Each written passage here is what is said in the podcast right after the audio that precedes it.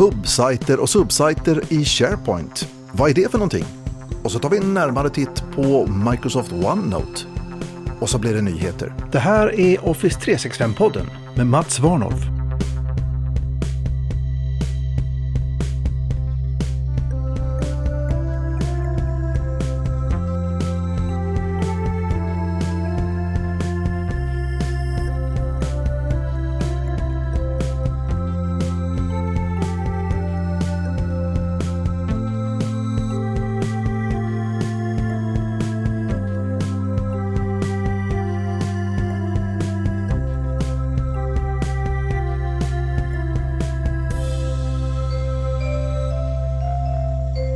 Känner du till OneNote? Ja, om inte så tycker jag du ska testa OneNote. OneNote är en av världens bästa applikationer för att göra anteckningar i.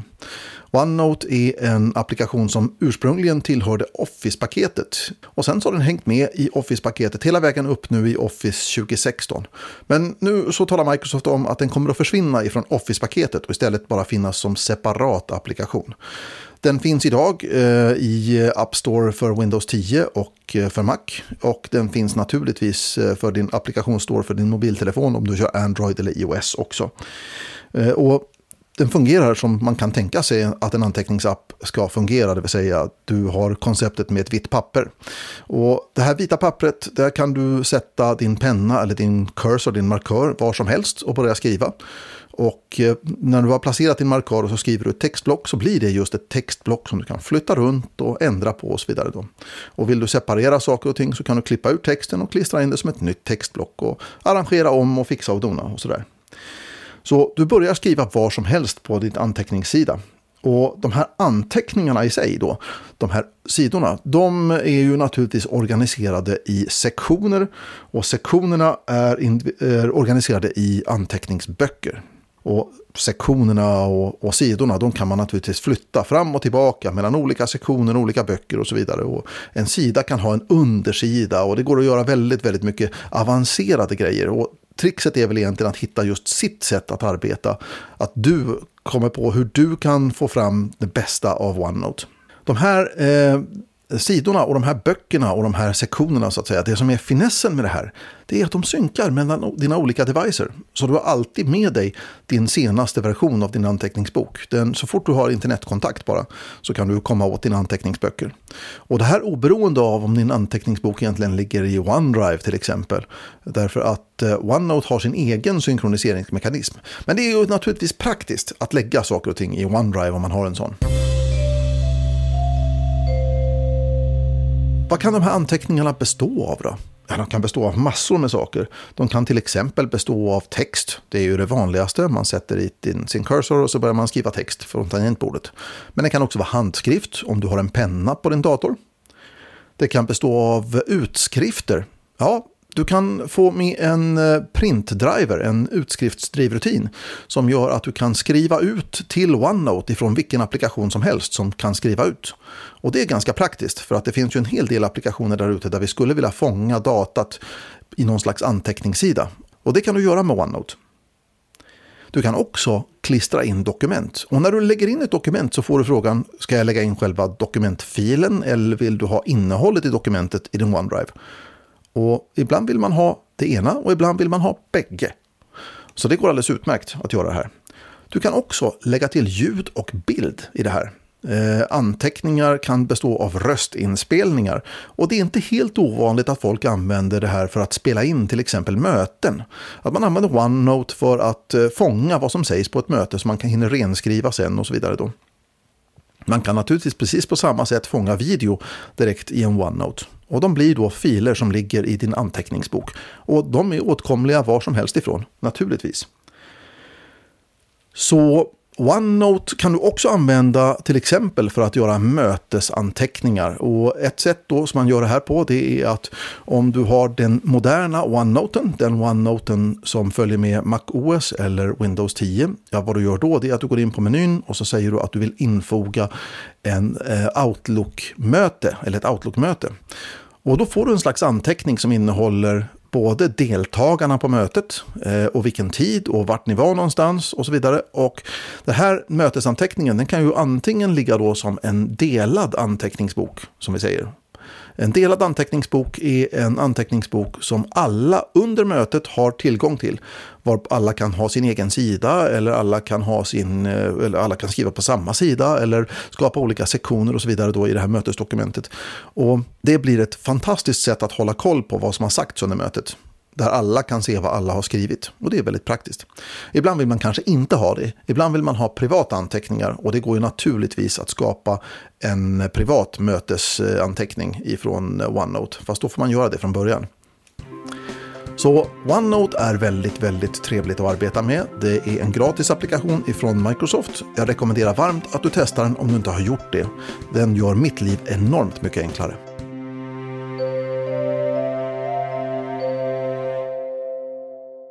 Du som håller på med SharePoint, du vet säkert att det finns eh, två olika sätt att organisera SharePoint-sajter på.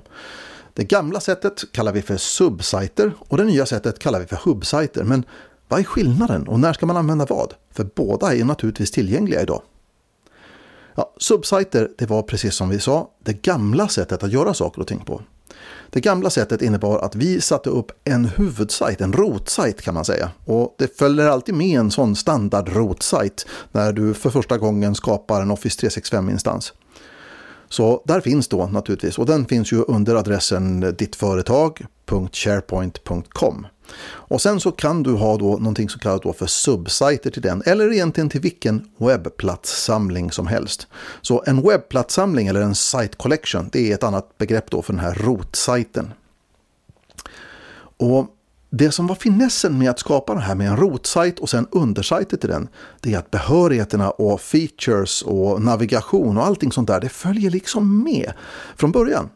Så det är enkelt att eh, hitta tillbaka till sin hemmasajt och behörigheterna. Om jag är behörig i huvudsajten så är jag naturligtvis behörig i undersajten också.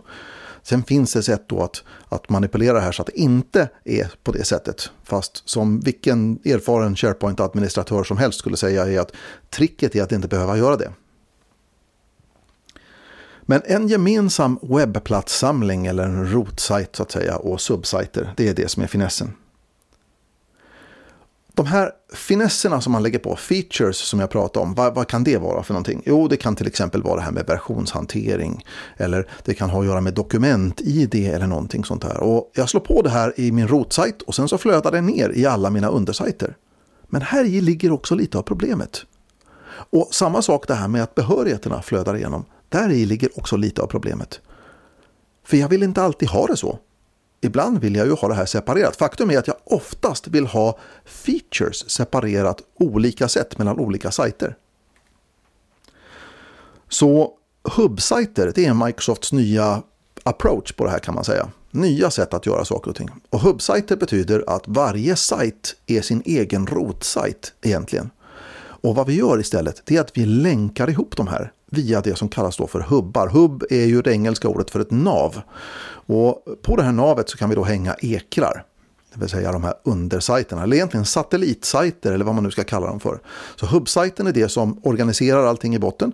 Där skapar vi vår navigation, där skapar vi vårt utseende och när vi sen skapar de här, eller anknyter de här satellitsajterna till hubben, kopplar dem, ja då ärver de navigation och utseende och sådana saker. Men de ärver inte features och de ärver inte behörigheter. Vilket betyder då till exempel att jag kan lägga upp en eh, eh ekonomisub, eller ekonomisatellitsajt eh, till min hubb. Men om jag inte jobbar på ekonomi så får jag inte tillgång till den. Och om det är så att du funderar på att göra det här så kan jag ge dig ett litet tips. Och det är att när du lägger upp navigationen, när du, när du skapar navigationen, att du sätter en liten beteckning någonstans då, till exempel eh, begränsad eller låst eller eh, någonting sånt här. Eller kanske någon liten symbol vid namnet så att en vanlig användare som klickar där och får en sån här eh, åtkomstnekad åtkomst nekad besked ska förstå att det är rätt. De ska inte ha tillgång till det här. Annars kommer kanske helpdesken att bli nerringd med samtal. Så, ja, jag klickade på en länk här men det står åtkomst nekad och jag behöver hjälp. Men medan det i själva verket var tänkt precis så. Så någon slags indikation kan man ha i namnet. Det brukar vara ett bra tips. Så som sagt, hubbsajter, Där är alla features lokala, alla behörigheter är lokala, men navigation och utseende följer med. Vad är begränsningarna då? Ja, en sån här satellit kan bara tillhöra en hubb. Jag kan inte länka en satellitsajt till flera olika hubbar, åtminstone inte idag. Och en hubbsajt kan inte länkas till en annan hubbsajt. Hubbsajten, alltså navet, är tänkt att vara landningssidan för den anställde. Så han kommer dit och sen så navigerar han sig dit han ska. Så är tanken. Så man kan inte bygga hierarkier av hubbar. Rent tekniskt sett så finns det ju ingenting som säger att du inte kan skapa ett menyalternativ. För du kan ju skapa din egen navigation. Du kan lägga till helt enkelt länkar till en global rot. Och så har jag till exempel kunder som gör.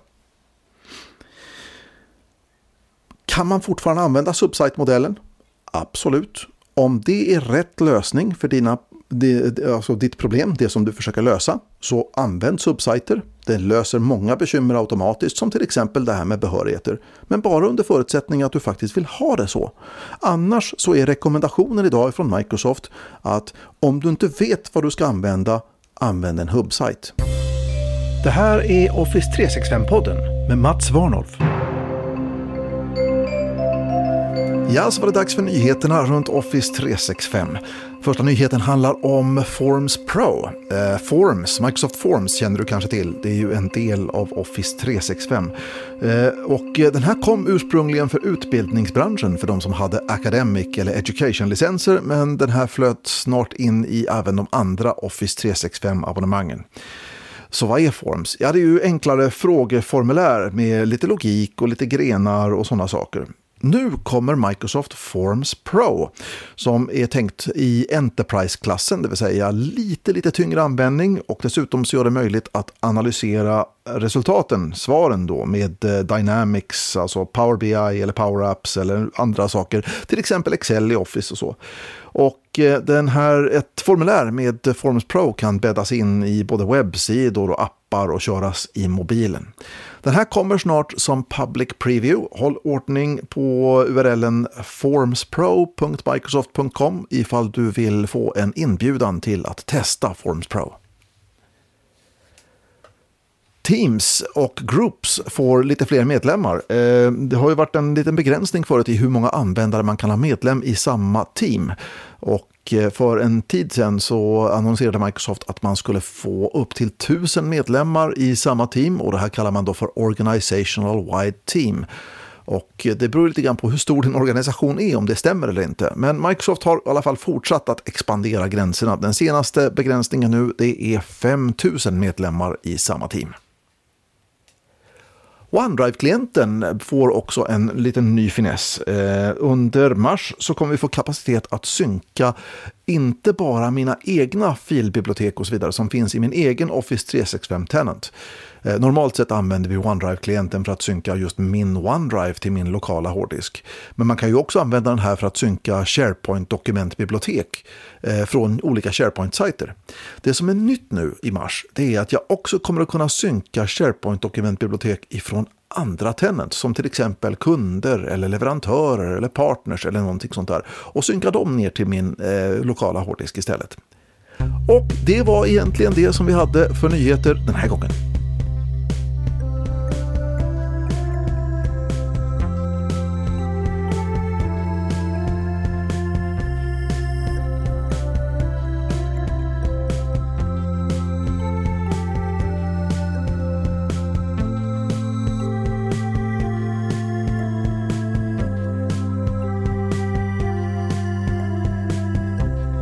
Du har lyssnat på Office 365-podden. Jag heter Mats Warnhoff.